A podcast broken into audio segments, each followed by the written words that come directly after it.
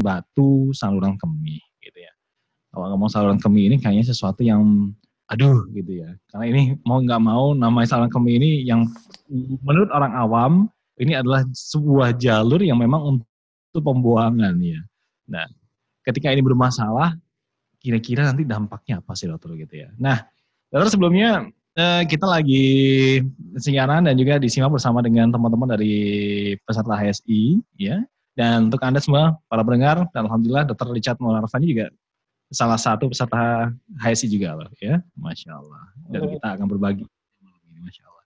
Dan tidak hanya di Radio HSI, Anda bisa menyimak program ini di YouTube bisa, kemudian di Instagram segera ya, segera, segera, segera hadir secara live di Instagram begitu. Kemudian di Radio HSI juga ya dan juga di delay oleh beberapa media, salah satunya juga di Radio MD Probolinggo. Baik, Dr. Richard, sedikit uh, bercerita dong, dokter, bagaimana sih uh, saluran yang berada di kemih kita itu, khususnya yang berhubungan ketika ada masalah batu ya. Itu apa namanya dokter ya? Batu saluran kemih begitu kan dokter penyebutannya secara medis? Fadol dokter. Iya, nah memang secara medis disebut dengan batu saluran kemih. Hmm. Jadi batu saluran kemih itu saluran kemih yang dimaksud itu ada dua, ini dibagi jadi dua di dalam tubuh kita itu. Jadi saluran kemih bagian atas dan saluran, kemih bagian bawah. Saluran kemih bagian atas itu dari mulai dari ginjal sampai ke ureter. Ya. Jadi disebut dengan ureter ya, dari ginjalnya terus turun masuk ke kandung kemih ada saluran yang dari ginjal ke kandung kemih itu disebut dengan ureter. Kemudian setelah itu sudah masuk ke Eh, saluran kemih bagian bawah. Saluran kemih bagian bawah ini uh, termasuk kandung kemih dan uh, uretra. Ya, uretra itu sampai ke ujung kalau laki-laki sampai ke ujung penisnya. Kalau perempuan sampai ke ujung bukan uretra eksternanya.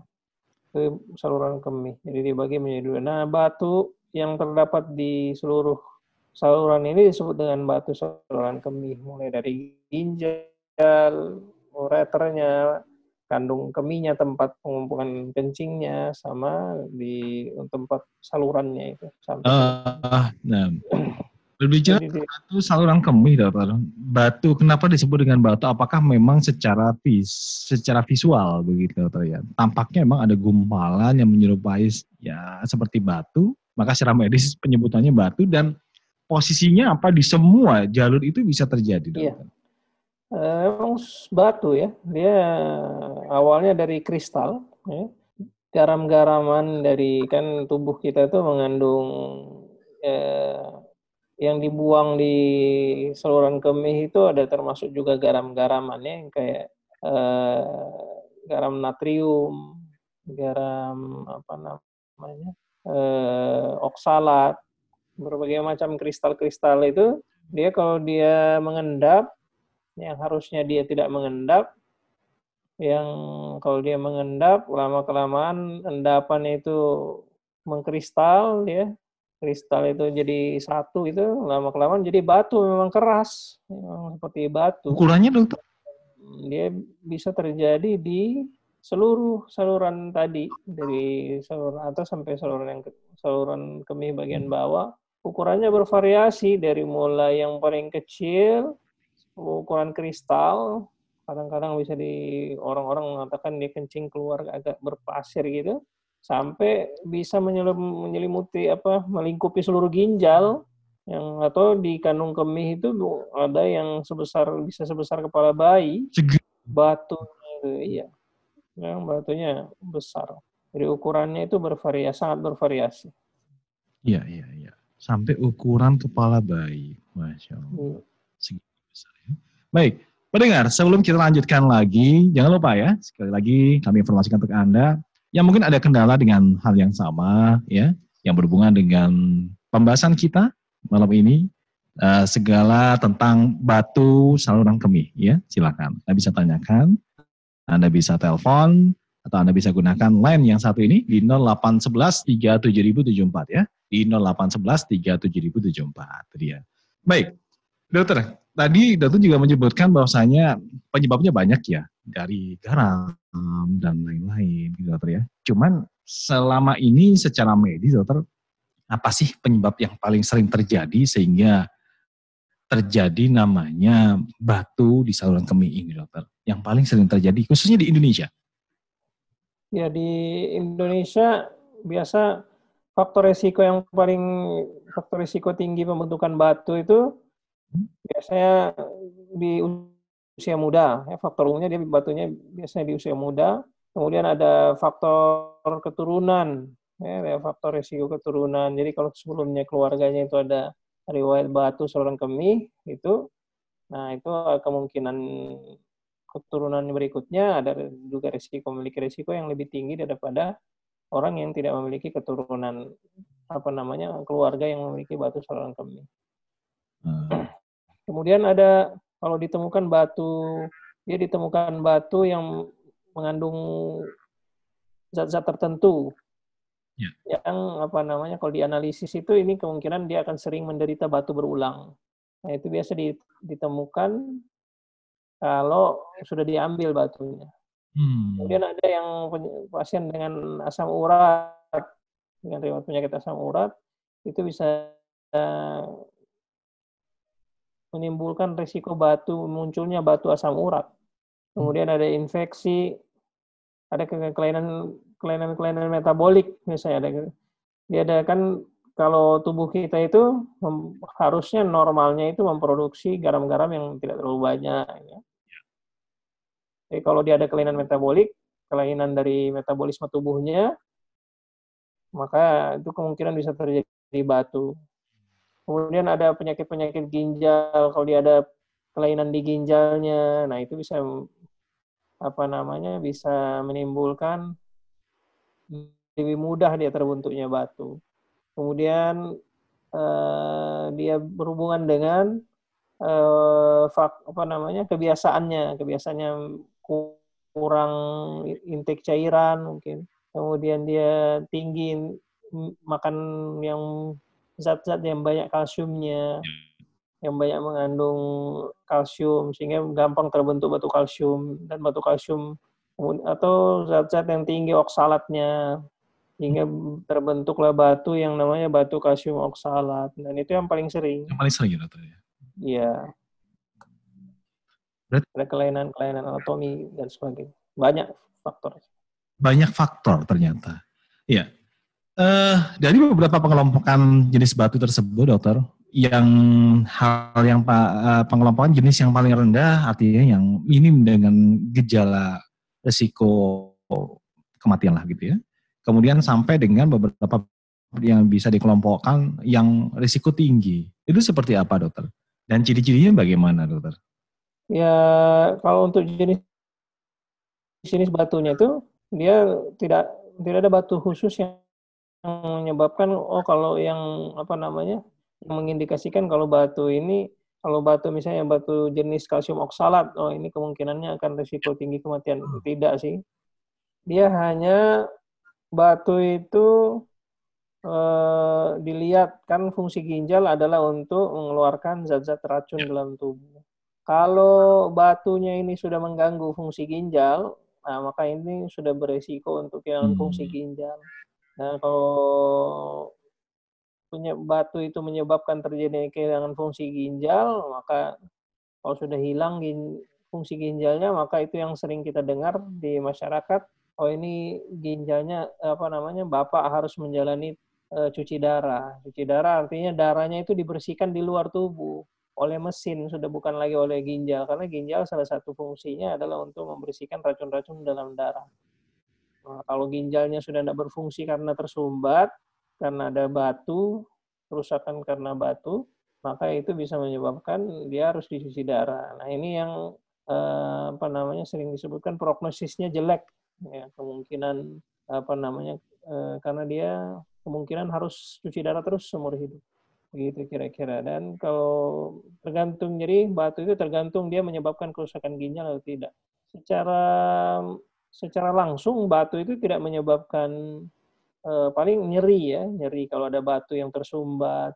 Nah, itu nyeri yang sangat hebat biasanya kemudian bisa menyebabkan terjadi infeksi. Cuma yang paling ditakutkan itu tadi kerusakan fungsi ginjal. Itu yang paling ditakutkan saat ini dokter ya. Iya, Berat. walaupun walaupun penyebab tertinggi dari kerusakan fungsi ginjal bukanlah batu saluran kemih, hmm. tetapi penyakit sistemik kayak hipertensi, diabetes mellitus itu yang menyebabkan uh, gagal ginjal, gagal ginjal tertinggi di di dunia dan di Indonesia. Sementara batu saluran kemih dia hanya menyebabkan uh, tidak terlalu besar uh, menyebabkan uh, gagal ginjal. Nah, Dokter Richard, uh, batu yang mungkin muncul karena di ginjal ya kan atau mungkin di saluran kemih. Ini sebenarnya penyakit utama atau memang uh, efek dari beberapa penyakit yang lain? Eh, dia bisa sebagai efek dari penyakit yang lain seperti batu asam urat ya. Dia karena kelainan metabolisme asam urat, dia menyebabkan terjadinya timbulnya batu di batu asam urat di kandung kemih. Bisa juga dia batu sebagai batu primer, eh, sebagai batu yang ada di situ karena apa namanya? Bisa karena kurang intake cairannya sehingga menyebabkan kurang kurang minum sehingga menyebabkan urinnya itu sangat pekat ya sehingga ada namanya teori hipersaturasi. Jadi urinnya itu sangat sangat tersaturasi ya, sangat jenuh sehingga eh, mineral-mineral di dalam urin itu mengendap. Nah, endapan ini bisa menyebabkan timbulnya batu. Ada juga batu yang muncul eh, begitu anak yang lahir sudah ada batunya. Karena memang sudah ada kelainan dari semenjak dia di dalam kandungannya. Kira-kira begitu. Jadi banyak variasi-variasi batu. Ada batu karena pemberian obat-obatan tertentu. Hmm itu bisa menimbulkan timbulnya batu. Jangka waktunya, dokter? Jangka waktunya bervariasi, tergantung. Jadi batu itu bisa, tapi biasanya dia muncul dalam jangka waktu lama, ya, karena kelainan yang sudah lama itu ada misalnya eh, apa namanya orang lama kurang intake cairan sehingga dia urinnya terus menerus pekat sehingga terbentuklah batu dan itu bisa bisa dalam jangka waktu lama bisa dalam jangka waktu cepat tergantung metabolisme dari tubuh pasien itu sendiri. Baik. Uh, Richard sebelum kita lanjutkan cukup menarik ini pembuka pembahasan kita tentang segala tentang batu seorang kemih ya. Baik pendengar, jangan lupa untuk Anda yang ingin bertanya silakan Anda bisa gunakan line 0811 37074 ya sekali lagi di 0811 37074. Nah sebelum kita lanjutkan bincang-bincang kita bersama dengan uh, Dr. Richard Tonarva ya malam ini. Nah ini ada satu informasi tentang update tebar kurban HSI Peduli 1441 Hijriah nih, Masya Allah ya. Ya kurban mudah sesuai sunnah, Masya Allah. Nah, pendengar kalau Anda ingin berkurban yang mudah, kemudian pemotongan hewan sesuai dengan uh, sunnah ya fikih kurban dan bisa melihat semua proses mulai pembelian hewan sampai dengan pembagian daging. Nah, yuk bergabung bersama kami di program Tebar Kurban HSI Peduli 1441 Hijriah. Alhamdulillah, pendengar sampai dengan hari ini total paket kurban yang sudah masuk sebesar 126 paket kambing dan 57 paket bagian sapi, Masya Allah. Ya. Cukup banyak. Dan tentu kami masih mengundang seluruh keluarga besar HSI Abdullah Roy untuk menjadi bagian dari program ini dengan paket uh, sebagai berikut ya. Ada beberapa yang mungkin bisa Anda pilih. Kalau paket sapi pendengar ada paket A ini untuk tujuh orang ya masing-masing uh, senilai tiga juta lima ratus ribu rupiah. Ini paket A. Kemudian paket B masih tetap untuk tujuh orang dengan nilai masing-masing yaitu sebesar tiga juta rupiah. Ini untuk yang paket sapi. Sedangkan untuk yang paket kambing pendengar ada tiga paket yang uh, ditawarkan untuk Anda, di mana paket A ini uh, senilai tiga juta tujuh ratus ribu, ya tiga juta tujuh ratus ribu. Kemudian paket B untuk kambing sebesar eh, tiga juta dua ratus ribu dan paket C ini dua juta tujuh ratus ribu. Nah, semua paket ini sudah termasuk biaya operasional dan mukafaah jagal ya. Nah, gimana sih kalau Anda pengen ikutan ya dan menyalurkan kurban Anda melalui HSI, silakan registrasi saja melalui website ya. Ketik saja melalui Google Anda kurban.hsipeduli.com. kurban.hsipeduli.com. Nah, info dan pertanyaan Anda bisa langsung WA di 0821 761 03759. Sekali lagi di 0821 761 03759. Masya Allah. Ini informasi dari HSIP ya, nah, HSI Peduli. Nah, Anda bisa melihat nanti semua proses mulai pembelian hewan sampai dengan pembagian daging. Bagaimana caranya? Insya Allah nanti akan disampaikan oleh tim HSIP pada uh, talk show berikutnya ya. Baik. Pendengar sebelum kita lanjutkan lagi, bincang bersama dengan Dr. Richard malam ini ya segala tentang batu saluran kemih. Kita beri dulu sebentar dan saya akan kembali setelah yang satu ini.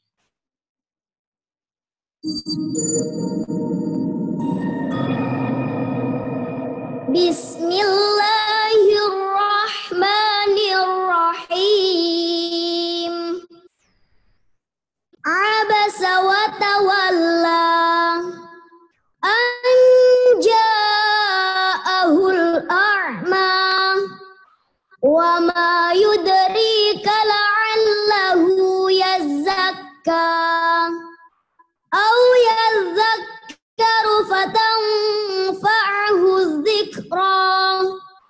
Man istaghna fa anta lahu tasadda وما عليك ألا يزكى. وأما من جاءك يسعى وهو يخشى. فأنت talaha kala innaha tazkirah faman syaa'a zakarah fi suhufin mukarramah.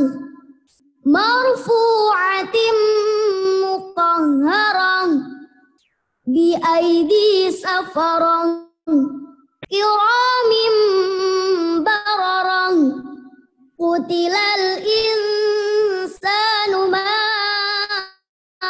akfarang Min ayyi syai'in khalaqang Min nutfah Baik kembali Radio ASI dengan satu program bersama Radio ASI malam ini ya bincang kesehatan dengan tema kita segala tentang batu saluran kemih dan alhamdulillah pendengar kita kali ini ditemani bersama dengan Dr. Richard Monarva ya. Nah, beliau ini merupakan spesialis dokter uh, urologi ya di mana uh, yang menangani masalah kesehatan pada sistem saluran kemih termasuk ginjal, kandung kemih semua pokoknya. Ya, Masya Allah nih ya. Nah, kalau memang ada kendala atau mungkin keluhan ya silakan Anda bisa diskusi, bisa bertanya di sini di 0811 37074 ya. Baik, masih tersambung dengan Dr. Richard, Dokter. Ya. Masya Allah. Baik, Dokter, kita akan bahas kembali tentang batu saluran kemih dokter ya. Dokter, yang paling sering terjadi kalau di Indonesia itu pada usia berapa dokter? Bermasalah dengan saluran kemih ini ya? Ya di Indonesia sendiri eh, faktor risiko di Indonesia itu yang paling sering terjadi di umur usia 40 sampai 50 tahun ya dengan biasanya laki-laki lebih sering daripada perempuan sebanyak tiga banding satu. Empat, Ya. Kendalanya dokter gara-gara apa itu terbiasa yang paling terjadi? Di batu di mananya dokter? Di ginjal atau mungkin di bagian yang lain? Itu secara umum karena itu data secara umum dia biasanya meliputi apa namanya batu di saluran kemih bagian atas dan bagian bawah. Bagian atas dan bagian bawah. Penanganannya susah nggak sih dokter seperti itu? Penanganannya tuh banyak. Jadi tergantung ukurannya, tergantung letaknya, eh, tergantung juga keluhan pasiennya. Jadi dia memang bervariasi ya, letak dari kalau batu di ginjal berbeda dengan batu di saluran, batu di saluran bagian bawah beda dengan batu di saluran bagian atas. Kemudian batu yang ukurannya 0,5 cm berbeda dengan ukurannya 2 cm, yang 2 cm berbeda dengan yang 10 cm. Jadi banyak banyak penanganannya. Banyak penanganan. Iya. Dari beberapa penanganan eh begini dokter, intinya adalah uh, batu gin, batu ya, berhubungan dengan batu, itu bisa disembuhkan nggak? Uh, insya Allah bisa disembuhkan ya. Tergantung, uh, tapi tergantung juga uh, kondisi pasiennya.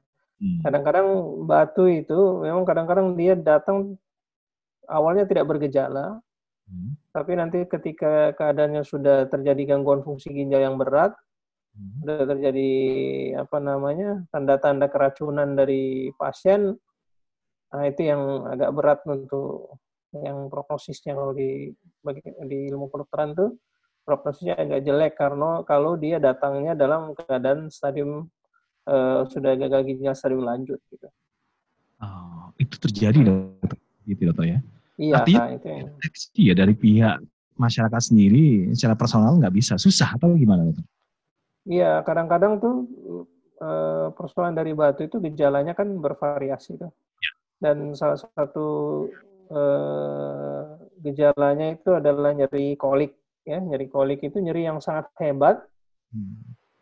tiba-tiba tetapi dia berlangsung sebentar aja setelah itu ketika koliknya itu hilang nyeri koliknya itu hilang kolik itu eh, apa namanya ketika batunya itu melewati saluran kemih bagian atas kemudian dia nyangkut di saluran kemih bagian atas. Itu luar biasa sakitnya. Tapi setelah itu dia hilang. Seperti pasien itu tidak pernah menderita sakit sama sekali. Tapi batunya itu masih menyumbat di situ, masih menyumbat di saluran kemih. Nah, ketika dia eh, sakit itu kemungkinan kemungkinan besar dia datang untuk berobat.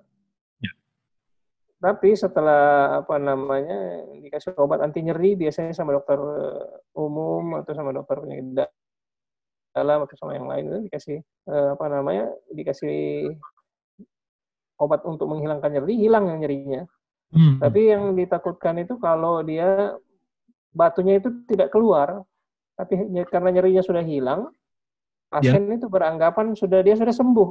Nah, itu dia. Nah, nanti ya. setelah penyakitnya memberat, timbul infeksi, dia sudah mulai demam, mulai apa namanya menurun fungsi ginjalnya, baru kemudian terdeteksi sudah lanjut. Dan tiba-tiba sudah lanjut begitu dokter ya? Iya, itu yang ditakutkan. Ada yang uh, orang uh, pengalaman anak pengalaman anak itu ada seorang laki-laki datang ke anak itu sudah umur 60 tahun 60 tahunan. Atau sekitar mau masuk 60 tahunan dia datang dengan benjolan dari semenjak kecil. Semenjak kecil. Jadi nggak semenjak kecil dia. Ada benjolan di perut sebelah sebelah kanannya kalau nggak salah. Kemudian dia datang ke Ana, dia mengatakan saya ini dari kecil dok. Sudah dipanggil uh, perut apa namanya di sering dibully ya, sering dibully sama teman-temannya karena perutnya itu besar sebelah sebelah kanan itu. Nah, tapi dia tidak pernah merasakan sakit. Dia sama sekali tidak pernah merasakan sakit. Dan dia bermain seperti apa namanya uh, sampai umur 60 tahun tuh baru datang ke saya dan begitu saya USG itu ginjalnya sudah memang sudah sangat tipis karena tersumbat yang dalam waktu yang sangat lama. Dan itu sudah tidak ada fungsinya ginjalnya. Akhirnya pasien jatuh ke dalam gagal ginjal. Seperti itu ya salah satu contoh kasusnya. Ya ya ya. Masya Allah. Jadi artinya memang eh, yang sering terjadi yang ditakutkan adalah ketika memang terjadi sebuah reaksi dari penyakit itu sendiri, baru pasien merasa langsung berangkat ke dokter. Dikasih penenang atau mungkin penghilang nyeri tiba-tiba hilang pada waktu itu dokternya dan merasa dirinya sudah sehat begitu. Ini yang ditakutkan dokternya. Nah. Dokter Richard sendiri, eh, ciri-ciri yang paling mendasar ketika itu berhubungan dengan batu seperti apa sih dokter? Biar kita bisa ngasih sedikit informasi kepada para pendengar semuanya ya. Dan seharusnya tahapan pemeriksaan untuk bisa memastikan itu batu yang berhubungan dengan badan kita entah di saluran kemih atau di ginjal dan lain-lain, itu jenisnya seperti apa ciri-cirinya? Silakan dokter. Jadi keluhan pasien mengenai batu saluran kemih itu dapat bervariasi dia. Hmm. Mulai dari tanpa keluhan tadi, misalnya dia datang tanpa keluhan, misalnya dia dideteksi tiba-tiba misalnya dari biasanya dari check up ya. Orang kalau mau check up masuk kerja gitu atau mau masuk ke perguruan tinggi mereka biasa tes kesehatan. Begitu di tes kesehatan, oh, oh ternyata ada batu di hmm. USG gitu. Oh ternyata di kencingnya ada darah gitu. Tapi pasien, pasien sendiri merasa dia tidak bergejala gitu ya, nggak, nggak punya gejala. Itu salah satu contohnya. Kemudian yang selanjutnya adalah sakit pinggang yang ringan. Sakit pinggang yang ringan hingga berat, yang namanya kolik. Gitu. Sakit pinggang yang ringan tuh seperti pegal-pegal aja di pinggang kanan kiri kayak orang capek gitu. Tapi terus menerus walaupun lagi dia apa namanya tidak capek gitu, tidak melakukan aktivitas, dia rasa pinggang itu seperti orang pegel-pegel-pegel kayak eh, apa namanya kayak bengkak gitu ya. Itu itu sakit pinggang yang ringan. Kemudian ada sakit pinggang yang berat yang tadi saya sebutkan yaitu nyeri kolik. Nah, nyeri kolik ini yang biasa menyebabkan orang untuk datang berobat karena ini nyerinya sangat luar biasa. Eh, biasanya pasien eh, masuk rumah sakit dengan eh, mimik wajah yang sangat yang sangat menampakkan kesakitan yang sangat hebat ya. Karena kemudian eh, apa namanya tetapi nyerinya ini bersifat eh, hilang timbul. Jadi hilang eh, dia timbul dengan sangat hebat kemudian dia menghilang seperti pasien itu tidak merasakan sakit sama sekali. Itu salah satu khasnya nyeri kolik. Kemudian ada disuri. Disuri apa? disuri itu kencing yang eh, sakit ya sakit pada saat kencing jadi dia merasa pada saat kencing bisa di awal kencing, bisa di akhir kencing dan paling banyak di akhir kencing. Dia merasakan sakit yang eh, pada saat akhir kencingnya. Yeah. Agak perih. Gitu. Kemudian ada yang namanya hematuri. Hematuri itu kencing yang hmm. berdarah. Jadi kencingnya berdarah ini salah satu juga yang paling sering ada apa namanya batu saluran kemih walaupun ada kencing berdarah ini bisa juga ditimbulkan oleh karena keganasan atau penyakit yang lain.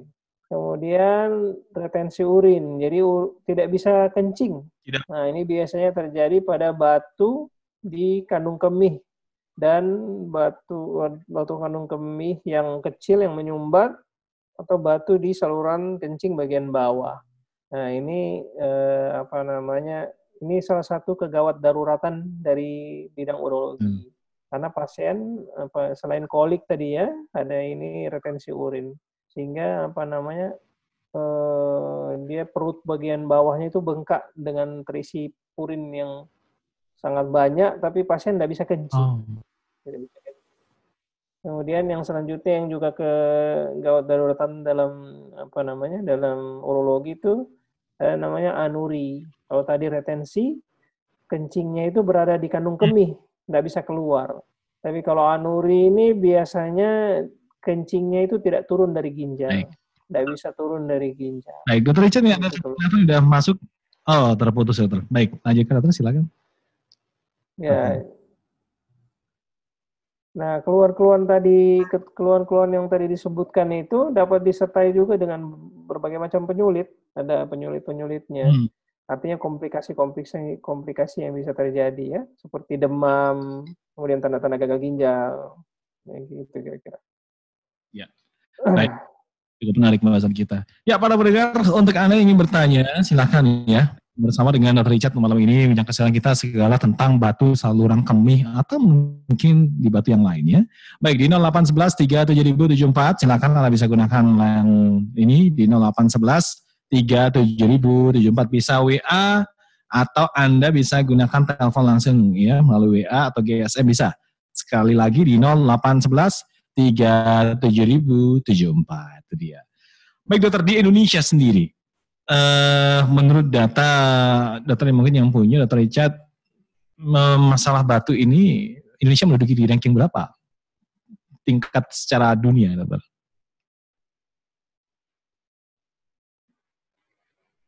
Di di apa namanya di Indonesia sendiri kalau ranking di dunia itu ya ranking di dunia itu uh, tidak ada gitu ya karena Indonesia sendiri uh, apa namanya database-nya itu masih belum na, belum kita belum mempunyai database nasional ya. Hmm. Artinya seluruh uh, di Indonesia ini dikumpulkan datanya itu belum ada. Kita belum punya database nasional.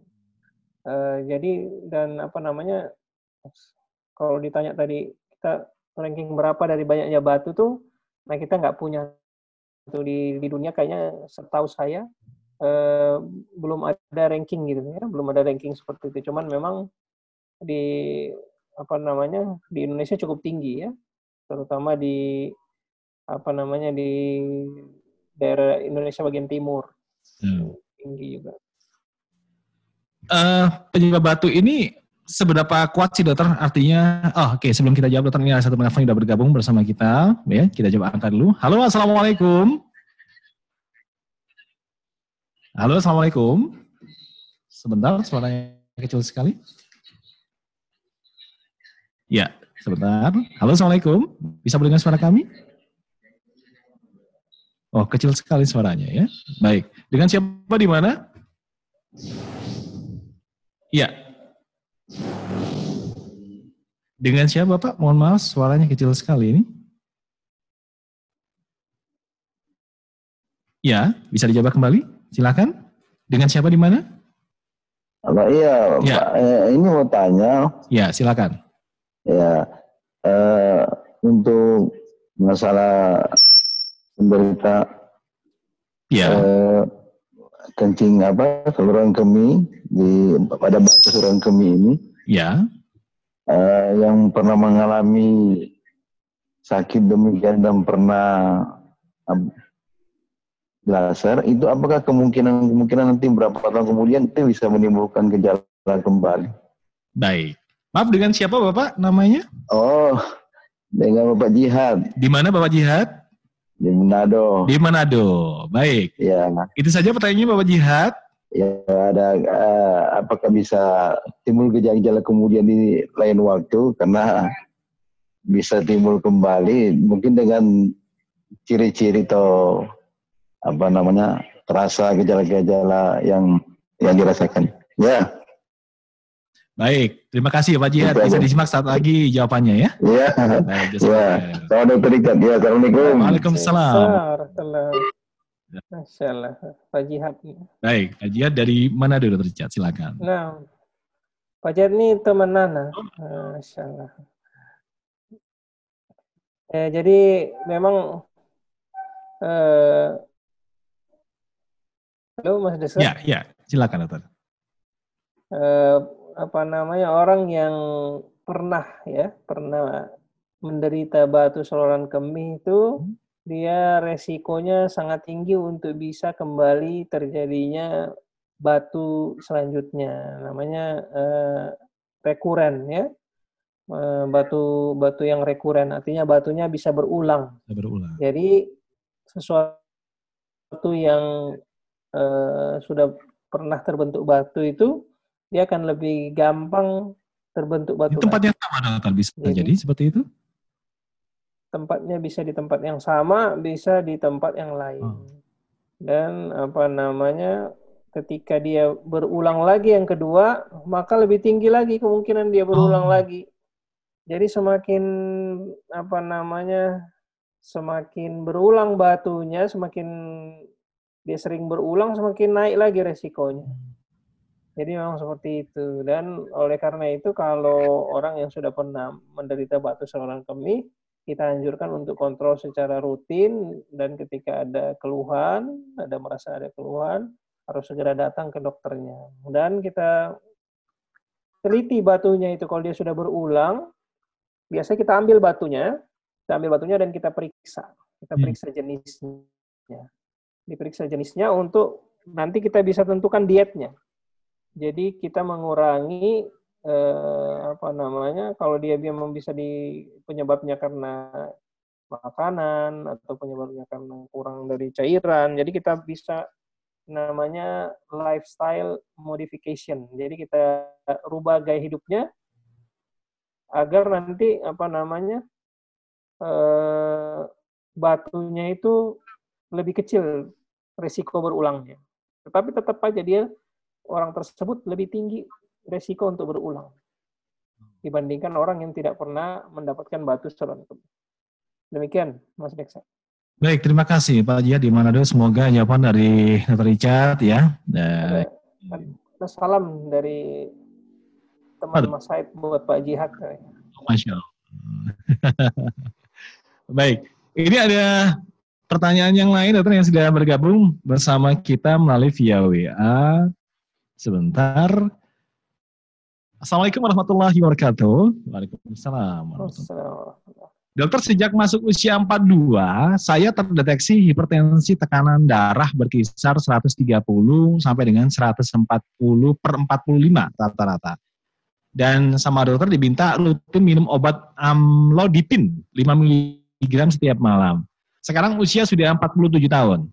Apakah ada impact ke ginjal untuk minum obat rutin tersebut? Sebelum 42, tensi selalu normal di 120 per 80 dan ibu saya ada hipertensi juga. Apakah ini ada faktor turunan juga? Ya, kalau khair.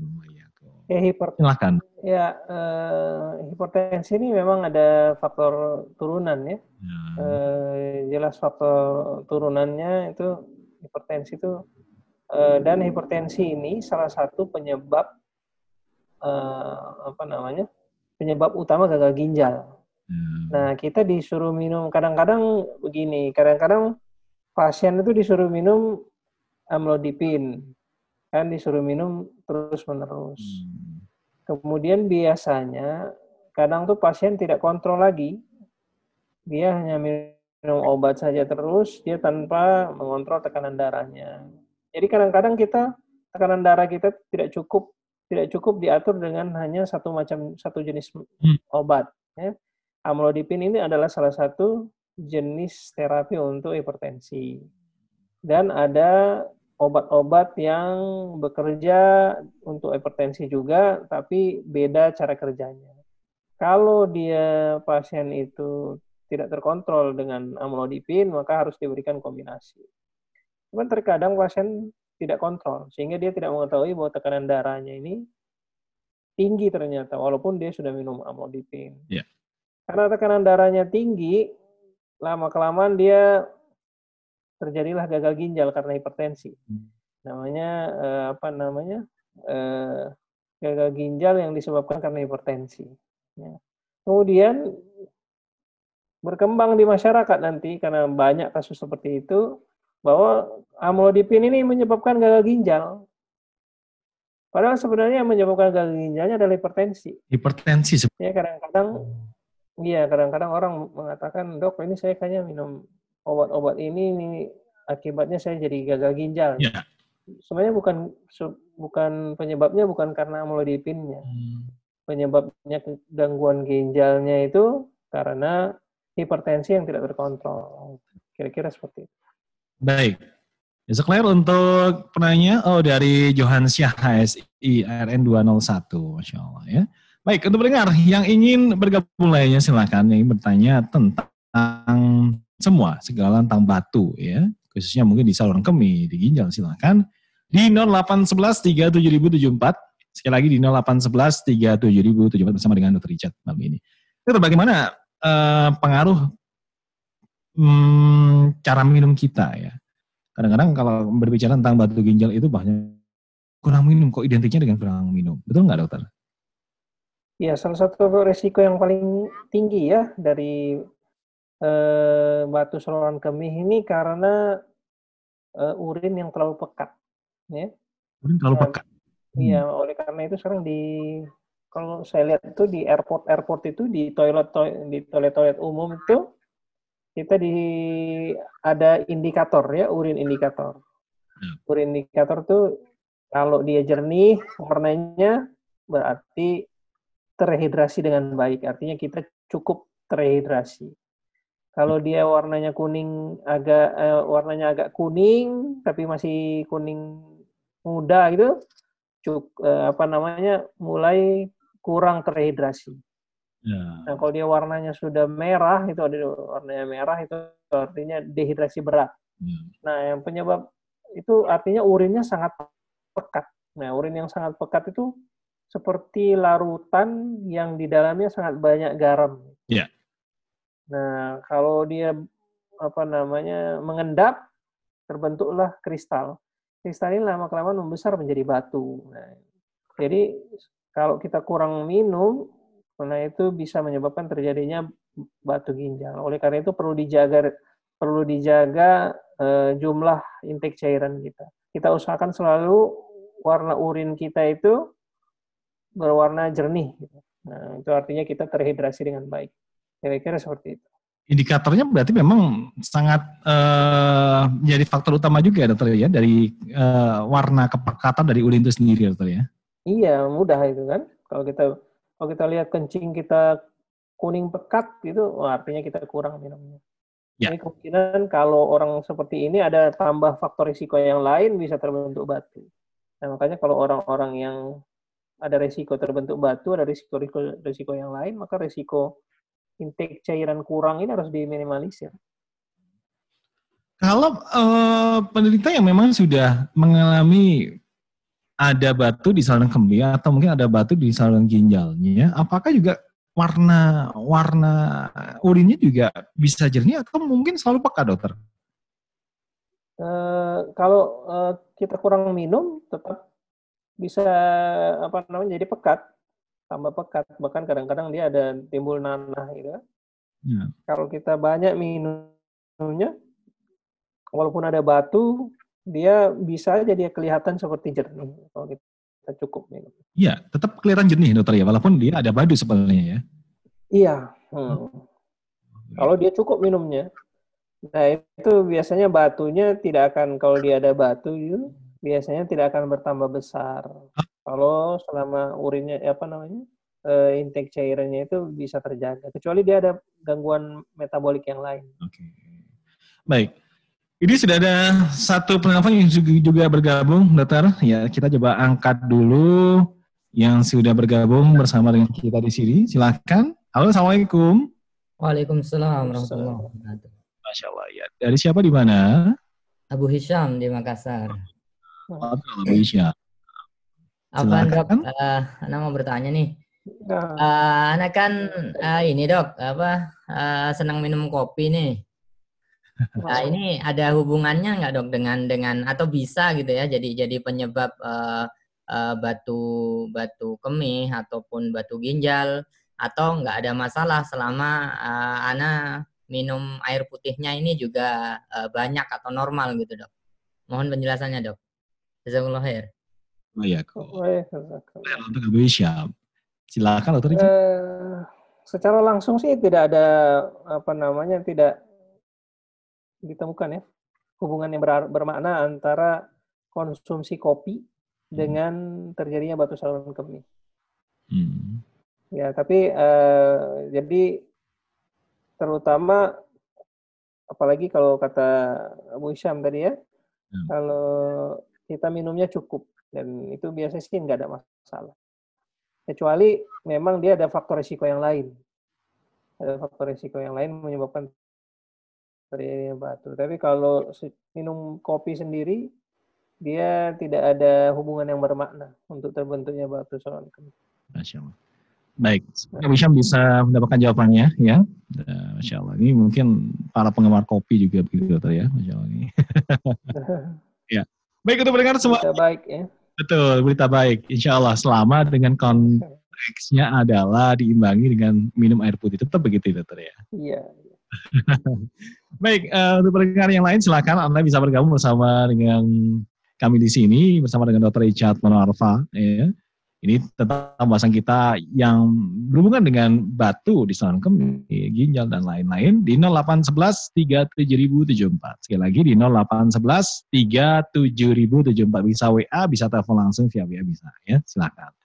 Baik, Dr. Richard kembali uh, dengan bahasan kita. Uh, ada nggak pantangan makanan yang khusus begitu ya, yang secara general, yang ini sangat memacu perkembangan batu itu sendiri. Ini khususnya untuk orang-orang yang memang sudah uh, terdeteksi oleh pihak medis ya dari teman-teman medis begitu, bahwasanya memang ada kandungan batu di, di badannya. Ada nggak pantangan jenis makanan tersendiri gitu dokter? Jadi uh, pola makan yang menyebabkan eh, yang beresiko terbentuknya batu itu hmm. itu salah satu apa berbagai predisposisi predisposisinya itu antara lain makanan yang mengandung kalsium yang tinggi. Kalsium tinggi. Kalsium yang tinggi seperti kalau susu tuh susu susu yang tinggi kalsiumnya. Ya biasa itu pada pasien yang digunakan oleh pasien-pasien yang orang tua itu yang ada tulang kropos ya. ataupun suplemen-suplemen tulang hmm. yang diberikan oleh dokter apa namanya oleh dokter untuk tulang kropos. Nah itu hmm. bisa menyebabkan terjadi batu saluran kemih. Kemudian yang tadi cairan yang sedikit ya cairan yang sedikit. Kemudian garam yang berlebihan jadi kalau tadi cairan yang sedikit, kalau ini garamnya yang berlebihan. Walaupun cairannya cukup, tapi kalau garamnya berlebihan itu bisa menyebabkan terjadinya batu saluran kemih. Kemudian buah dan sayur yang kurang serta makanan tinggi purin yang berlebihan. Tinggi purin itu tinggi protein yang berlebihan ya, daging-daging merah itu yang berlebihan. Terutama kalau pasiennya ada gangguan metabolisme dari purin dari purin itu sendiri sehingga menyebabkan hmm, uh, apa namanya purinnya itu dikeluarkan dari kencing yang menyebabkan dia menjadi batu di saluran kemih. Ya kira-kira seperti itu. Kemudian ada riwayat-riwayat pengobatan dengan suplemen, ya. ya. Dan ada riwayat kemoterapi, vitamin C yang tinggi, kemudian vitamin C yang tinggi, vitamin D, kira-kira seperti itu.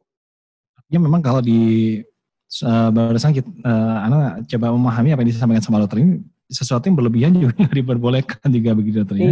Iya benar. Sesuatu yang berlebihan tuh. Ya, betul. Kita berpikir ketika usia muda mungkin dokter. Kalau ngomong tentang vitamin C, penggunaan vitamin C dengan dosis-dosis tinggi itu masya Allah gitu ya. Nah, ternyata mungkin efeknya juga jangka panjang. Yang paling dekat dampak dari batik itu sendiri.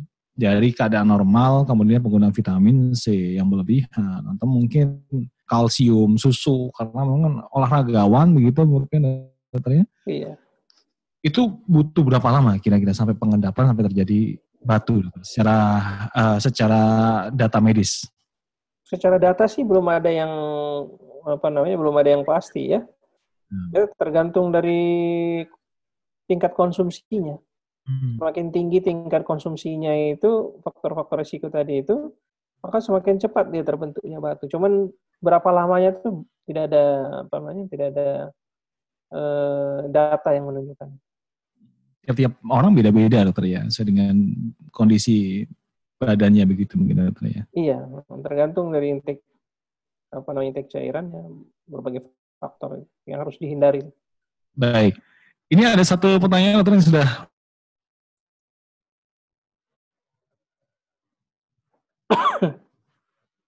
Halo, Mas Deksa?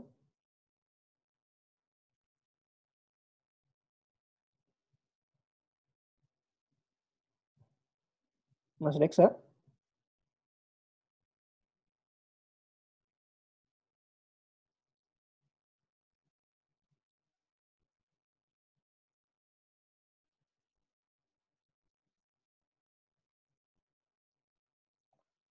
Nah, sambil kita menunggu Mas Deksa untuk bisa terhubungi lagi, anak sedikit menjelaskan mengenai eh, apa namanya batu saluran kemih.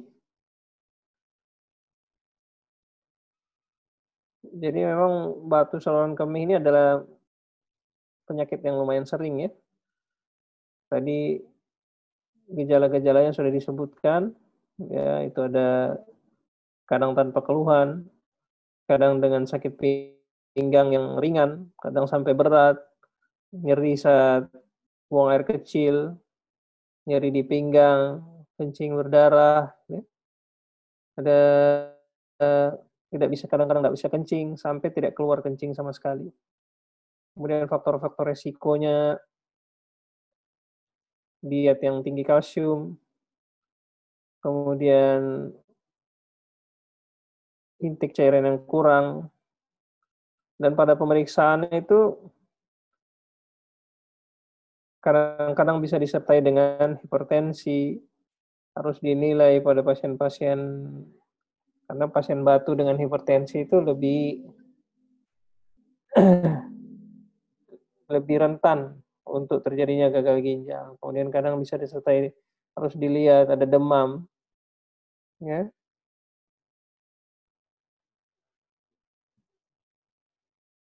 Setelah kita biasanya setelah kita curiga adanya batu itu kita lakukan pemeriksaan ya, kita lakukan pemeriksaan-pemeriksaan untuk eh, menentukan batunya itu ada di mana jenis batunya.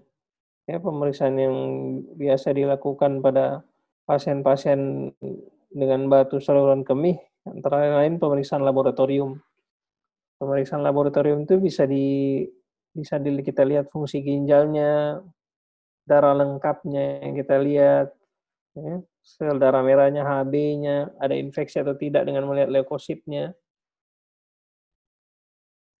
Kemudian eh, pemeriksaan urinalisis ya, kencing karena biasa pas ada namanya mikroskopik hematuri.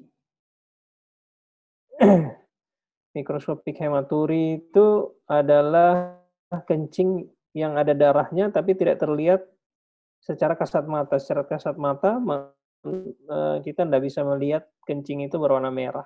Tapi dari penglihatan dengan mikroskop kita bisa eh, apa namanya melihat adanya sel-sel darah merah di kencing. Ya.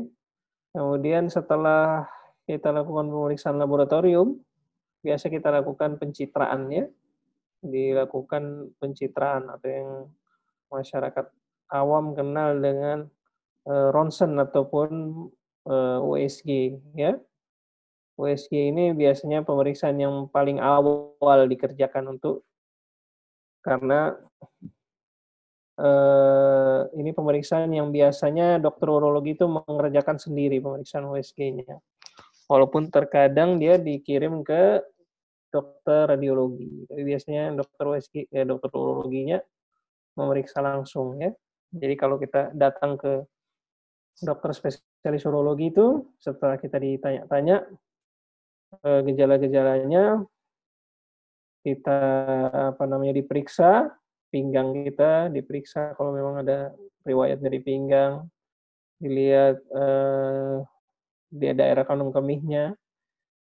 Nah, kemudian dilakukan biasanya pemeriksaan USG. Pemeriksaan USG ini kita bisa melihat kandung kemihnya, kita bisa melihat ginjalnya, bisa melihat hat, heparnya, hatinya, bisa melihat uh, kandungan empedunya. Ya, bisa dilakukan pemeriksaan USG. Dari USG itu bisa ditemukan kalau memang ada batu di ginjalnya, bisa ditemukan kalau ada pembengkakan di ginjal. Nah, selain USG, selain USG kita bisa melakukan pemeriksaan X-ray. Ya. X-ray uh, uh,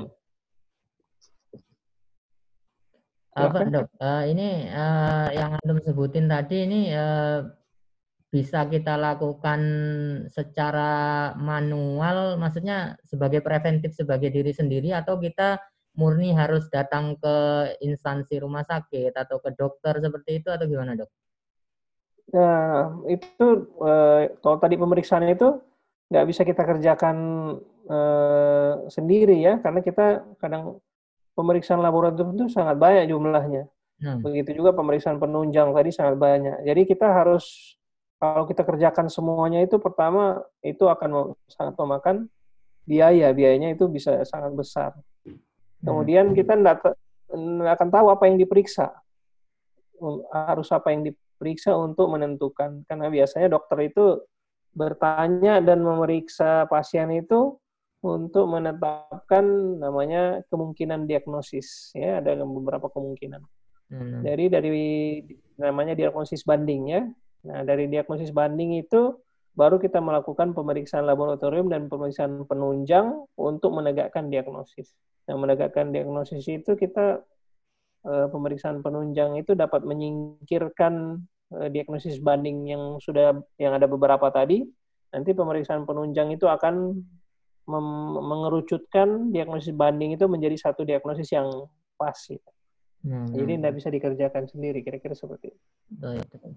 Terus kemudian ini dok, uh, apa kalau terkait uh, ini ya uh, terhadap diri kita sendiri uh, terkait uh, apa uh, saluran batu kemih itu apa sih yang bisa kita kita kita mulai aware gitu ya terhadap misalkan kondisi kita seperti apa tanda-tandanya itu uh, uh, seperti apa yang harus mulai kita yakini bahwa ini ada ada something wrong gitu ya sehingga kita bisa mulai lanjut untuk uh, ke rumah sakit atau periksa ke dokter dan seperti itu dok?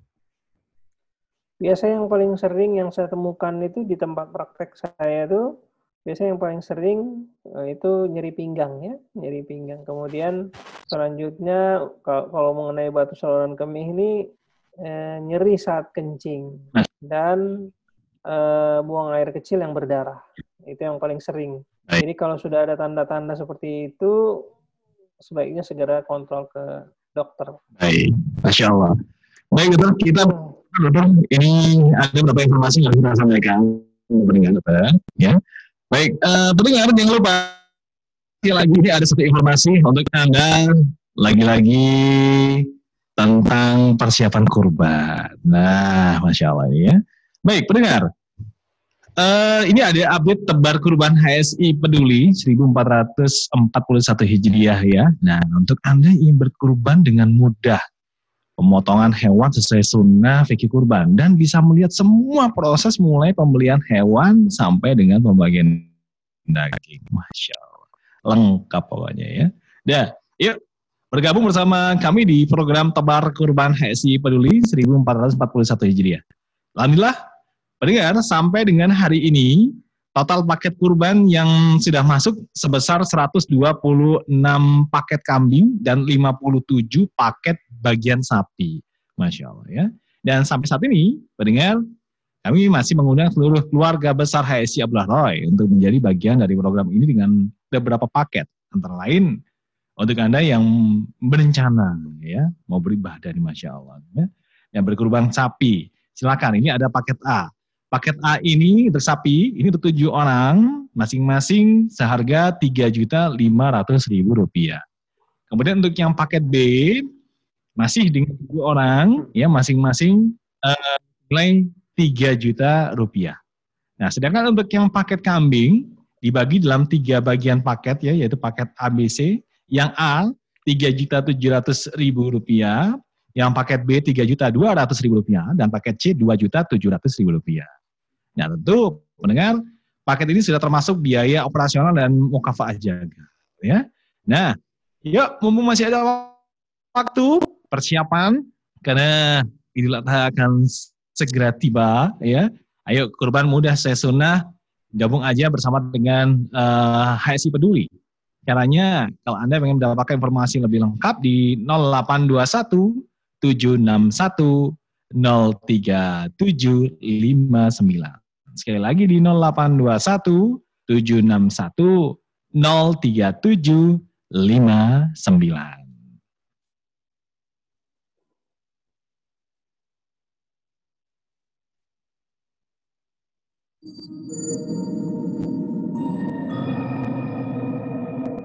Bismillahirrahmanirrahim.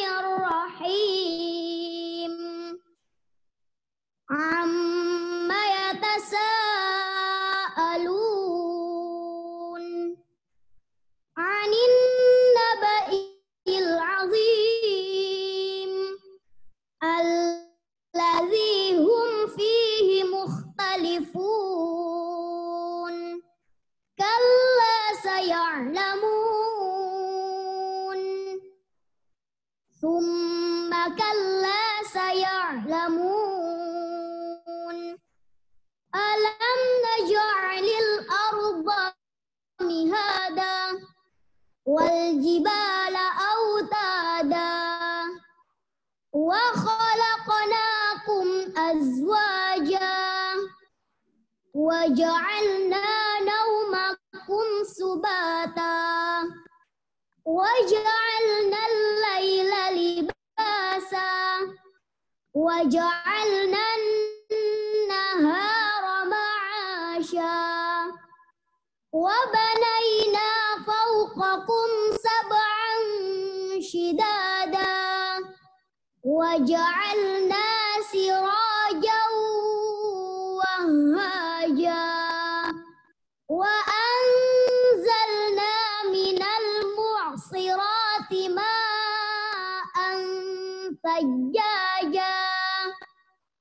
لنخرج به حبا ونباتا.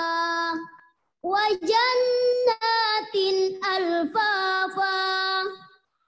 إن يوم الفصل كان ميقاتا. يوم ينفخ في الصور فتأتون أفواجا. وفتحت السماء فكانت أبوابا وسيرت الجبال فكانت سرابا. إن جهنم كانت مرصادا للطاغين مآبا. لابسين فيها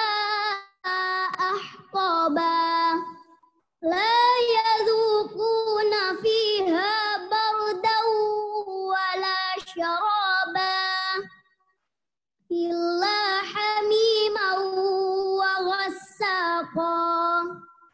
جزاء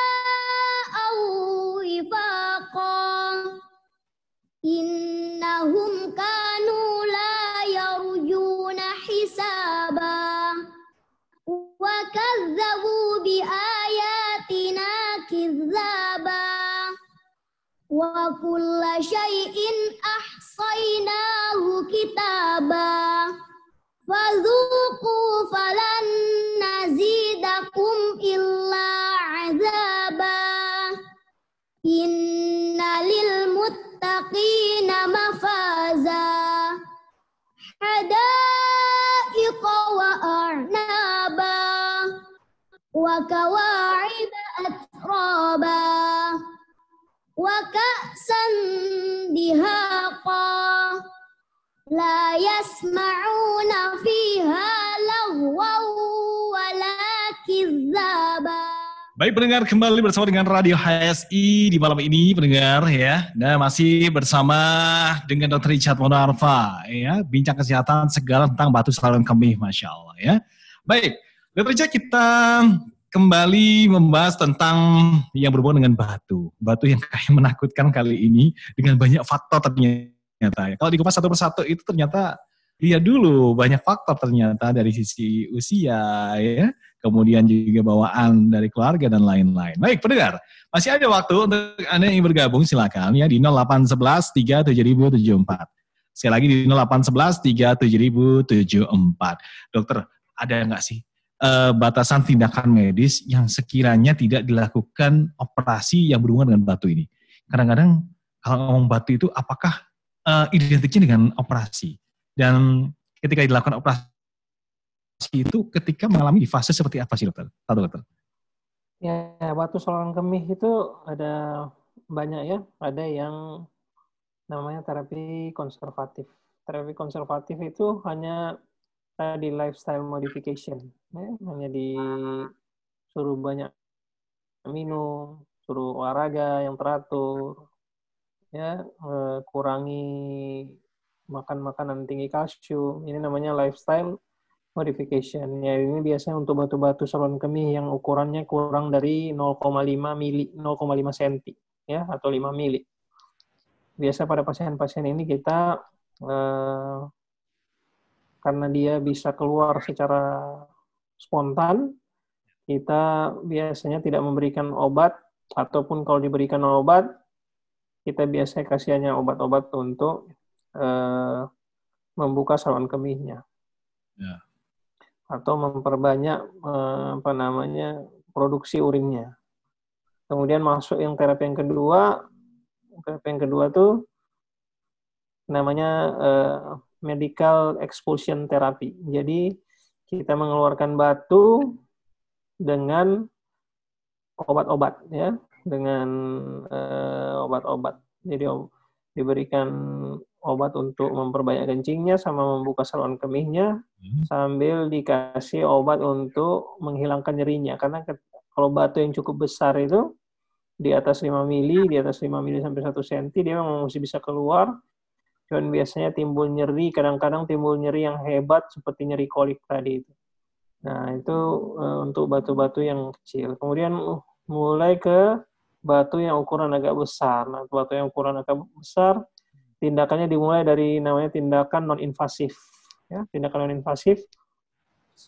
Jadi, tindakan ada namanya terapinya ESWL, eh, ESWL bahasa Indonesia ya, extracorporeal shockwave lithotripsy. Jadi dia hanya kita letakkan probe di eh, apa namanya kayak probe untuk eh, probe USG gitu, tapi yang agak besar. Dia diletakkan di pinggang, kemudian kita dari situ kita memberikan gelombang kejut, ya Hmm. Memang kejut namanya shockwave untuk memecahkan batu untuk memecahkan batunya jadi batu-batu yang kecil. Pakai alat? Iya pakai alat. Ini biasanya batunya eh, dari kurang dari 2 cm ya kurang dari 2 cm di lokasi-lokasi tertentu kita bisa melakukan eh, namanya extra corporeal shockwave lithotripsy. Ya. Kemudian masuk ke tindakan yang eh, minimal invasif. Kalau tadi non invasif, ya. jadi tanpa ada alat yang masuk ke dalam tubuh, kita hanya tempel aja, probe-nya itu ditembak dengan gelombang kejut. Nah, terapi yang kedua adalah terapi minimal invasif. Nah, minimal invasif ini yang sangat berkembang saat ini, yaitu banyak terapinya. Dari mulai dengan laser, dengan ultrasound, dengan uh, apa namanya uh, pneumatik, dengan mekanik, banyak alat-alatnya. Ada alat-alatnya itu ada, ada dengan menggunakan WRS yang rigid, kemudian ada yang fleksibel, kemudian ada yang uh, apa namanya namanya percutaneous nefro. itu distimulan dari dari badan luar, bagian luar, itu apa distimulan langsung bagian dalamnya? Nah, kalau minimal invasif ini kita masuk ke dalam tubuh pasien. Dengan alat. Jadi biasanya pasiennya dibius. Kita kerjakan di kamar operasi. Kalau oh, yang non invasif tadi kita kerjakan di poliklinik biasanya. Hmm. Di pasien jalan. Kalau ini pasien harus di uh, di dirawat inapkan dan dibius. Biasanya kita kerjasama dengan dokter anestesi. Hmm namanya minimal invasif. Hmm. Dan di terapi minimal invasif ini yang lagi berkembang sekarang. Jadi hampir seluruh batu eh, bisa dikerjakan dengan minimal invasif. Minimal invasif tadi pilihan-pilihannya, banyak pilihannya. Kemudian yang sudah mulai ditinggalkan, yang dulu menjadi gold standard untuk batu-batu yang sangat besar, ya. itu adalah uh, open surgery. Tapi di di di daerah-daerah yang belum memiliki fasilitas yang lengkap, fasilitas urologi yang lengkap, nah kita masih mengerjakan open surgery yang cukup sering. Ya, kayak uh, yang kita belum mempunyai, misalnya untuk batu-batu yang cukup besar, kita belum mempunyai uh, alat untuk memecahkan batunya, tindakannya PCNL misalnya, atau uh, apa namanya RRS dengan hmm. laser. Hmm Nah, itu biasanya kita mengerjakan open surgery. Jadi dibelah. Hmm. Dibelah, kemudian diambil batu. Kira-kira Iya, iya, iya. Jadi artinya segala tindakan ini nggak nggak semata-mata memang langsung di meja operasi nggak dokter ya. Ada beberapa. Oke, dengan beberapa obat dirangsang sehingga memudahkan untuk memperlancar saluran kemih begitu dokter ya. Iya, masya Allah. Baik, ini ada pertanyaan dokter. Assalamualaikum dokter. Sebelumnya uh, saya mau tanya. Uh, setelah datang berkonsultasi dengan dokter internis dikatakan uh, orang tua saya kena ginjal dan harus cuci darah. Skala keratin di tes darah adalah 6 untuk pria yang dibilang terlalu tinggi. Ayah saya sebelumnya penderita prostat, jadi memang mungkin saja kalau keratinnya tinggi nggak dokter itu? Nah, lalu sebenarnya apakah ada alternatif lain selain dari cuci darah? Kemudian selain itu dokter, eh, makanan apa yang menjadi pantangan dan apa saja yang bisa dimakan? Dan hari ini beliau mengeluh giginya sakit, memang bengkak dan tinggal satu saja giginya, sudah goyang lama tapi tidak copot-copot. Apakah aman kalau dicabut giginya? Sekian dokter, terima kasih. Masya Allah. Lengkap. Pertanyaan sampai ke gigi ya, lengkap pertanyaannya. Masya Allah. Uh, yang pertama, uh, difonis cuci uh, gagal ginjal ya, kemudian harus dicuci darah. Yang harus dijelaskan penyebab gagal ginjal itu sangat banyak ya.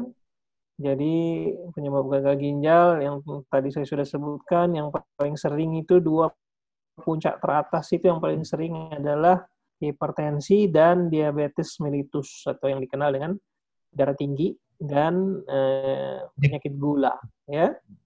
Ini yang paling sering menyebabkan gagal ginjal. Jadi yang pertama ditanyakan yang harus ditanyakan apa penyebab gagal ginjalnya. Ya. ya, kemudian jadi penyebab gagal ginjal itu secara garis besar dibagi menjadi tiga, ya. Ada yang renal, ada yang prerenal, postrenal dan e, renal, ya. Itu secara garis besar. Jadi itu banyak sekali pembagian-pembagiannya. Dari e, prerenal itu banyak, dari postrenal itu banyak, dari renal juga banyak. Makanya yang harus dicari tahu penyebab gagal ginjalnya apa. Hmm. Kalau penyebab gagal ginjalnya diketahui dan bisa dikoreksi, maka dikoreksi. Kemudian stadium gagal ginjalnya. Stadium gagal ginjalnya masuk gagal ginjal terminal ataukah gagal ginjal yang belum terminal. Hmm. Artinya masih reversible. Ada yang namanya akut kidney injury. Kalau akut kidney injury artinya eh, kerusakan pada ginjal yang akut, yang tiba-tiba. Nah, ini kalau masih akut ini ada yang bisa kembali, ada yang tidak bisa kembali. Ketika dia sudah lama gagal ginjalnya, maka dan tidak bisa kembali, maka ini yang disebut dengan gagal ginjal kronik. Gagal ginjal kronik terbagi menjadi beberapa stadium. Kalau dia sudah stadium 5, maka ini yang harus stadium 4, stadium 5, maka ini harus di cuci darah rutin. Jadi kita harus cari tahu bapak bapaknya itu atau keluarganya tadi itu eh, gagal ginjal penyebabnya karena apa. Kemudian berhubungan dengan penyakit prostat. Ya. Penyakit prostat ini salah satu indikasi operasi pada pasien prostat itu kalau prostatnya itu menyebabkan gagal ginjal. Jadi harus dicari tahu penyebab gagal ginjalnya dulu. Kalau memang gagal, ginjalnya karena prostat, maka prostatnya ini harus dikeluarkan. Tapi bisa jadi orang yang punya prostat menderita gagal ginjal, tetapi penyebab gagal ginjalnya bukan prostatnya. Misalnya ada hipertensi. Jadi eh, penyakit prostat yang menyebabkan gagal ginjal itu penyakit prostat yang menahun. Yang hmm. dia menyebabkan terjadinya retensi urin yang tidak tertangani. Ya. Jadi urinnya itu tertahan di kandung kemih bagian bawah karena ada prostatnya, prostatnya membesar, sehingga menyebabkan ginjalnya itu terbendung juga. Hmm. Tidak bisa mengeluarkan urin karena di bawahnya ada bendungan prostat. Sehingga lama-kelamaan seperti itu ginjalnya jadi rusak. Nah ini ya. artinya penyakit prostat yang sudah menyebabkan gagal ginjal. Kemudian yang selanjutnya untuk gigi kayaknya harus ditanyakan ke dokter gigi. Demikian. Masya Allah ya. Lebih detail lagi ya untuk penanya, Masya Allah ini semoga jawaban dari Dr. Richard Monwarta bisa menjadi pertimbangan Anda ya dan bisa dimengerti insya Allah. Baik dokter ada pertanyaan yang lain dokter Assalamualaikum warahmatullahi wabarakatuh. Waalaikumsalam Dokter, apakah olahraga bersepeda yang berlebihan bisa menyebabkan gangguan pada saluran kencing atau kemih? ataukah uh, ke hernia. Karena ada histori dulu kakek kami mengalami beberapa kali operasi hernia, sedangkan yang kami ketahui beliau suka sekali bersepeda begitu. Syukron dari RN 171. Silahkan dokter. Nah, tentunya setiap yang berlebihan itu tidak baik ya seperti yang sudah dikatakan sama Mas Deksa tadi ya. Setiap yang berlebihan itu pasti tidak baik. Untuk bersepeda bersepeda itu eh, ada resiko ya terjadinya eh, penekanan lama pada eh, saluran traktus urinaris bagian bawah. Eh, kalau makanya kalau bersepeda lama itu di sepeda itu ada padding ya, ada kayak busa yang mengalas uh, bagian uh, bawah itu ya. Nah kalau kita bersepeda yang cukup lama, tetap aja itu bisa kemungkinan bisa menyebabkan terjadinya terjadinya trauma pada saluran kencing bagian bawah. Jadi yang terganggu itu biasanya kencingnya. Saya kira seperti itu. Adapun batu e, secara langsung tidak berhubungan. Cuman kalau bersepedanya itu banyak berkeringat, kemudian akhirnya kita kurang cairan karena walaupun kita banyak minum, kalau banyak keringat yang dikeluarkan, ya. maka dia tetap aja kita akan kekurangan cairan. Demikian. Ya, sekarang lagi tren dokter ya. Kalau berjalan dengan sepeda, masya Allah di Jawa juga. Ya. Nggak tahu kalau di tempat dokter bagaimana, sama. Uh, sama kira-kira bersepeda lagi ngetren. Baik. Dikatakan dengan waktu yang lama, menurut dokter Richard sendiri yang dikatakan lama itu seperti apa dokter? Kurun waktunya bersepeda. Dari oh, itu uh, anak sendiri belum pernah mengetahui ada penelitian tentang itu ya. Mungkin nanti bisa dicari lagi. Masya Allah. Baik. Baik pendengar, untuk Anda yang bergabung yang bertanya, silakan. Ini masih ada waktu di sisa waktu 10 menit ya di 0811 37074. Sekali lagi di 0811 37074. Sesuai dengan pembahasan kita, bincang kesehatan bersama Dr. Richard ya, segala tentang batu, saluran kemih. Waldal bisa ditanyakan di sini, begitu ya. Dokter, seharusnya bagaimana sih kita menjaga lifestyle kita? Artinya untuk yang belum mengalami atau mungkin nggak sadar gitu dokter ya. Allah alam gitu. Kalau dilihat dari ciri-cirinya seperti yang disampaikan dokter Richard mungkin banyak orang yang nggak sadar ketika sakit baru dia merasa dan bisa jadi pada saat itu sudah stadium begitu. Nah, lifestyle kita sih bagaimana sih dokter? Hal yang kecil kita awali dari diri kita sendiri. Yang paling kita utamakan tuh cairan cukup intake cairannya karena itu faktor risiko tertinggi. Kalau tidak ada faktor-faktor risiko yang lain. Ya. ya, jadi itu tadi yang harus diperhatikan warna kencingnya. Warna kencing. Iya, setiap kita kencing kan kita lihat warnanya kan. Kalau diusahakan setiap kita kencing warnanya jernih. Hmm. Nah, artinya kalaupun kuning, dia kuningnya bukan kuning pekat. Dan kalau kita sudah kuning pekat, kita sudah mulai harus melihat ini kira-kira saya kurang minumnya di mana sehingga menyebabkan atau apa namanya sehingga menyebabkan warna kencing kita itu agak pekat. Kemudian itu yang paling penting. Kemudian yang selanjutnya kalau kita punya resiko keluarga yang eh, apa namanya kita menderita batu, maka harus lebih waspada lagi. Harus lebih diwaspadai. Kemudian untuk orang yang sering mengkonsumsi suplemen. Suplemen itu berbagai macam apa namanya? Kita harus betul-betul memperhatikan isi dari suplemen tersebut. Kadang kita tidak tahu itu suplemen itu tinggi sangat tinggi kalsiumnya sehingga kalau dipadukan dengan kita kurang dengan kurang minum maka faktor risikonya jadi sangat berlipat. Ya, jadi itu harus diperhatikan. Kemudian kalau untuk diet, kalau untuk orang yang tidak memiliki resiko, orang tidak ada riwayat keluarga, jadi tidak tidak ada diet khusus, tidak ada diet khusus. Seperti kita cukup makan makanan yang secukupnya, ya semuanya secukupnya. Tidak boleh terlalu berlebihan, tidak juga kurang sehingga sampai kekurangan gizi. Gitu. Jadi secukupnya. Kalau untuk pasien-pasien yang tidak ada risiko, tidak ada riwayat keluarga menderita penyakit tertentu yang bisa menyebabkan yang tadi sudah disebutkan yang bisa menyebabkan gangguan eh, terbentuknya batu saluran kemih. Oh, baik. Ini ada pertanyaan yang sudah bergabung juga. Dokter. Assalamualaikum dokter. adakah adakah antara asam lambung dengan batu? Silakan, dokter. Nah, hubungannya antara asam lambung, penyakit asam lambung secara khusus dengan batu saluran kemih tidak ada. Hmm. Hanya saja batu saluran kemih itu gejalanya bisa menyerupai hmm. gejala orang yang nyeri apa akibat asam lambung, akibat penyakit asam lambung.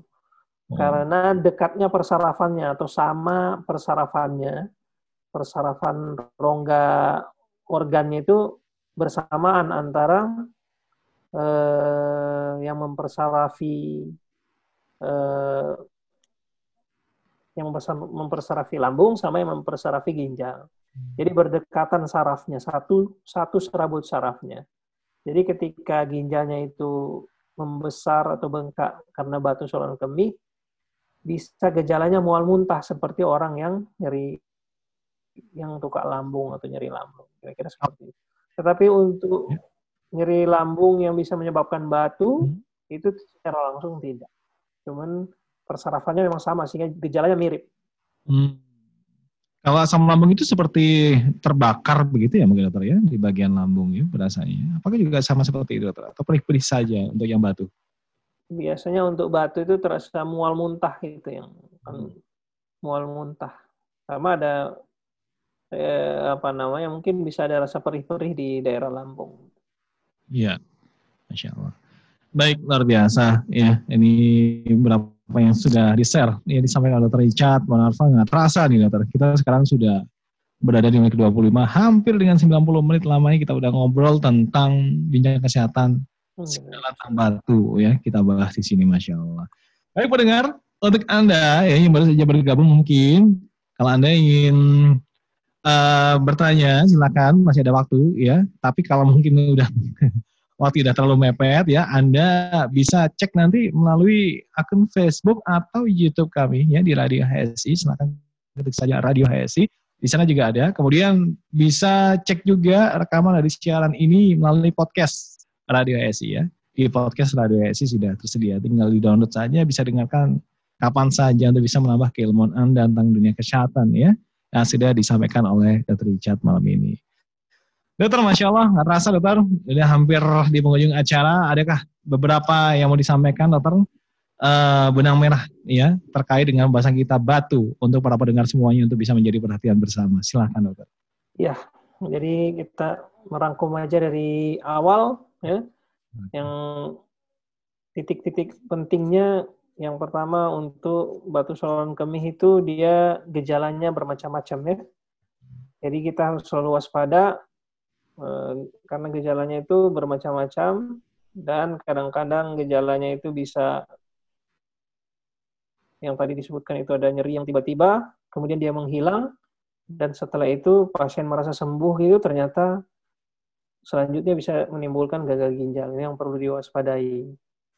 Dan kemudian selanjutnya, eh, kalau memang kita sudah terdeteksi memiliki batu ginjal atau pernah ada gejala-gejala batu ginjal, apalagi keluarga ada uh, riwayat penyakit ginjal, maka kita harus uh, melipat gandakan kewaspadaan kita. Dan kita harus konsultasi dengan dokter yang be berkompeten di bidang tersebut untuk membicarakan tentang penyakit kita. Dan selanjutnya pencegahan yang kalau pada untuk mencegah faktor untuk meminimalisir ke faktor risiko kita harus eh, yang paling gampang adalah kita dengan meningkatkan intake cairan. Meningkatkan intake cairan sesuai dengan aktivitas terutama. Kadang-kadang kita meningkat intake cairannya, aktivitas kita juga meningkat dan ternyata peningkatan aktivitas itu lebih tinggi daripada peningkatan intake cairan kita. Akhirnya kita tetap aja walaupun kita minumnya banyak, kita tetap aja kekurangan cairan. Kemudian itu yang paling penting untuk diet yang harus diingat itu intake cairannya sama intake makanan yang tinggi kalsium karena batu yang paling sering paling sering batu saluran kemih itu adalah batu kalsium oksalat. Kemudian untuk pasien-pasien yang ada asam urat, yeah. ini batu yang paling sering di Indonesia juga nih, batu asam urat. Sehingga kita harus waspada kalau kita punya penyakit asam urat, kita harus waspada.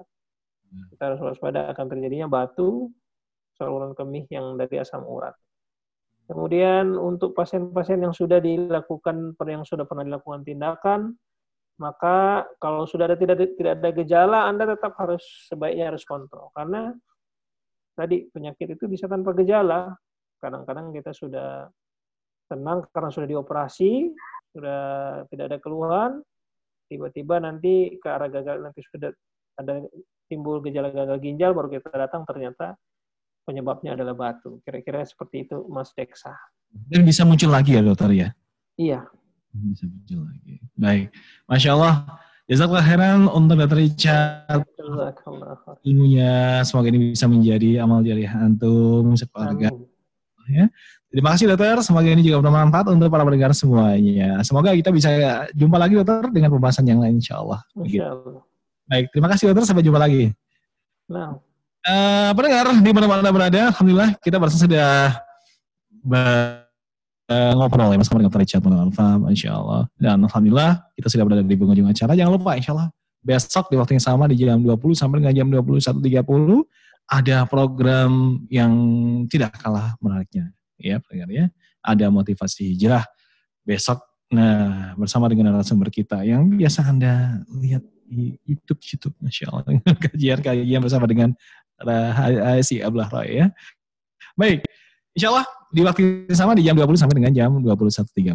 Baik, saatnya saya Desa harus pamit untuk undur diri dulu. Terima kasih atas kebersamaannya. Ada kata, Subhanakallahumma bihamdika asyhadu an la ilaha illa anta astaghfiruka wa atubu ilaik. Assalamualaikum warahmatullahi wabarakatuh.